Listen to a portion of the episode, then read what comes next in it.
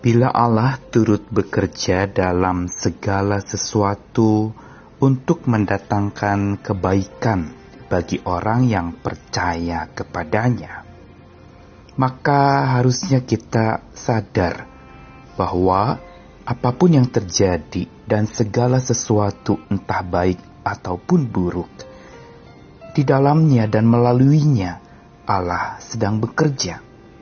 Dan tujuannya jelas, untuk mendatangkan kebaikan, yang berarti bukan saja keadaan akan menjadi lebih baik, tetapi kita akan dibuat menjadi lebih baik lewat segala sesuatu itu, dan itu semua adalah karya Allah di dalam dan melalui kita, agar kesaksiannya nyata kepada semua orang lewat kondisi yang sedang tidak bersahabat ini. Saya Nikolas Kurniawan menemani dalam sabdanya menyapa kita lagi hari ini dari Yesaya 42 ayat yang pertama lihat itu hambaku yang kupegang orang pilihanku yang kepadanya aku berkenan aku telah menaruh rohku ke atasnya supaya ia menyatakan hukum kepada bangsa-bangsa ia tidak akan berteriak atau menyarikan suara atau memperdengarkan suaranya di jalan. Bulu yang patah terkulai tidak akan diputuskannya, dan sumbu yang pudar nyalanya tidak akan dipadamkannya. Tetapi dengan setia ia akan menyatakan hukum. Ia sendiri tidak akan menjadi pudar dan tidak akan patah terkulai sampai ia menegakkan hukum di bumi segala pulau mengharapkan pengajarannya. Ayat yang keenam, Aku ini Tuhan telah memanggil engkau untuk maksud penyelamatan, telah memegang tanganmu, aku telah membentuk engkau dan memberi engkau menjadi perjanjian bagi umat manusia, menjadi terang bagi bangsa-bangsa, untuk membuka mata yang buta, untuk mengeluarkan orang hukuman dari tempat tahanan, dan mengeluarkan orang-orang yang duduk dalam gelap dari rumah penjara. Pada saat Yesaya menuliskan bagian firman Tuhan ini, sesungguhnya bangsa yang menerima surat ini adalah bangsa yang sedang dalam keadaan yang sedang tidak baik. Mereka mengalami berbagai macam konflik ditambah lagi hidup mereka walaupun sebagai umat pilihan Tuhan mereka lupa untuk terus dekat dengan Tuhan mereka. Mereka menjalankan ibadah mereka hanya semata ritual belaka tanpa adanya spiritual yang bertumbuh. Dan mereka melakukannya, iman mereka hanya sekedar sebuah formalitas tanpa iman yang memformasi hidup mereka menjadi lebih baik. Sehingga kejadian demi kejadian yang menimpa, melalui itu Tuhan bekerja mau membentuk mereka, menjadikan mereka sebagai pribadi-pribadi yang lebih baik.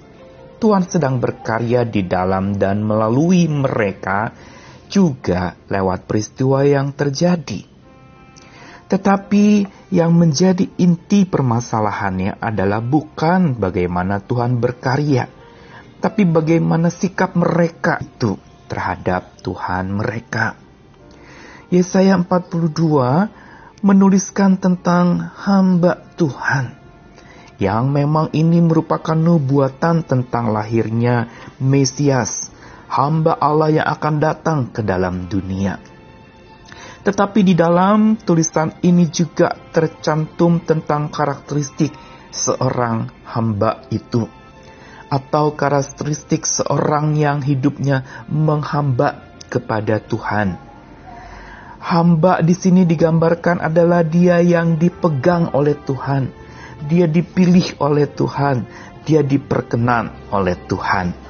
Tiga hal mendasar inilah yang menentukan seseorang itu sadar dirinya hamba, yaitu dia sadar siapa yang memegang dia. Dia sadar bukan pilihan dia, tapi Tuhan yang memilih dia. Dia sadar bahwa Tuhan memperkenankan hidupnya. Ini menjelaskan kepada kita bahwa di tengah-tengah kondisi hari ini, di mana mungkin pegangan hidup kita hilang, ingat siapa yang pegang kita. Sebagai hamba, kita tetap dipegang oleh Tuhan ketika pilihan-pilihan kita yang kita sudah dapatkan, mimpi-mimpi yang sudah kita capai, lalu semuanya punah. Ingatlah siapa yang memilih kita. Dia yang lebih berwenang atas hidup kita. Dan juga bila apa yang kita inginkan itu sudah punah dari hidup kita. Ingatlah Tuhan tetap memperkenankan kita.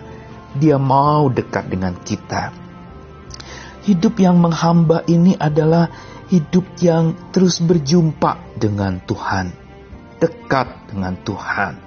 Inilah artinya menghamba, yaitu kita selalu bersekutu dengannya. Kita selalu berbincang-bincang dengannya. Hamba dan Tuhan harus tahu apa yang Tuannya mau, sehingga dia perlu berbincang, bertanya apa yang harus dia lakukan, ada komunikasi Menghamba bukan saja berjumpa, tetapi juga rela menghampa diri di hadapan Tuhan. Ayat 2 dikatakan, ia tidak akan berteriak atau menyaringkan suara atau memperdengarkan suara di jalan-jalan. Figur hamba yang digambarkan di sini menghampa berarti bukan dirinya yang ditonjolkan, bukan hidupnya yang disampaikan kepada orang lain, tetapi dia benar-benar sadar dia tidak untuk dilihat orang. Dia tidak untuk didengarkan orang. Tapi dia ada untuk melayani tuannya. Kalaupun dia harus memperdengarkan suaranya, itu karena kemauan tuannya. Menghampak diri sadar bahwa kita hanya debu dan akan kembali jadi debu. Saat-saat ini kita sedang dilatih dan diajar untuk menghampak diri juga di hadapan Tuhan sadar bahwa kita bukan apa-apa, kita rapuh, kita mudah binasa, tapi oleh Tuhan kita selamat. Yang ketiga, menghamba diri berarti dia juga rela ditempa oleh Tuhan. Gambaran buluh yang terkulai, sumbu yang pudar, bicara tentang yang ia lalu kemudian dibentuk oleh Tuhan, dijadikan oleh Tuhan untuk jadi perjanjian bagi umat manusia, ini merupakan satu penjelasan bahwa Tuhan sedang menempa kita. Menghamba berarti sadar kita sedang ditempa oleh Tuhan. Dan bila di hadapan Tuhan kita tidak menghamba, kita sedang menghambat, Tuhan berkarya di dalam dan melalui kita. Hari-hari ini hari yang memang tidak mudah. Tapi ingat terus Tuhan sedang berkarya membentuk kita di dalam kita, melalui kita agar kita jadi terang bagi bangsa-bangsa. Dan untuk supaya Tuhan terus berkarya, tetaplah kita menghamba. Karena tanpa menghamba, kita hanya menghambat. Selamat jadi hamba, Tuhan menyertai kita. Amin.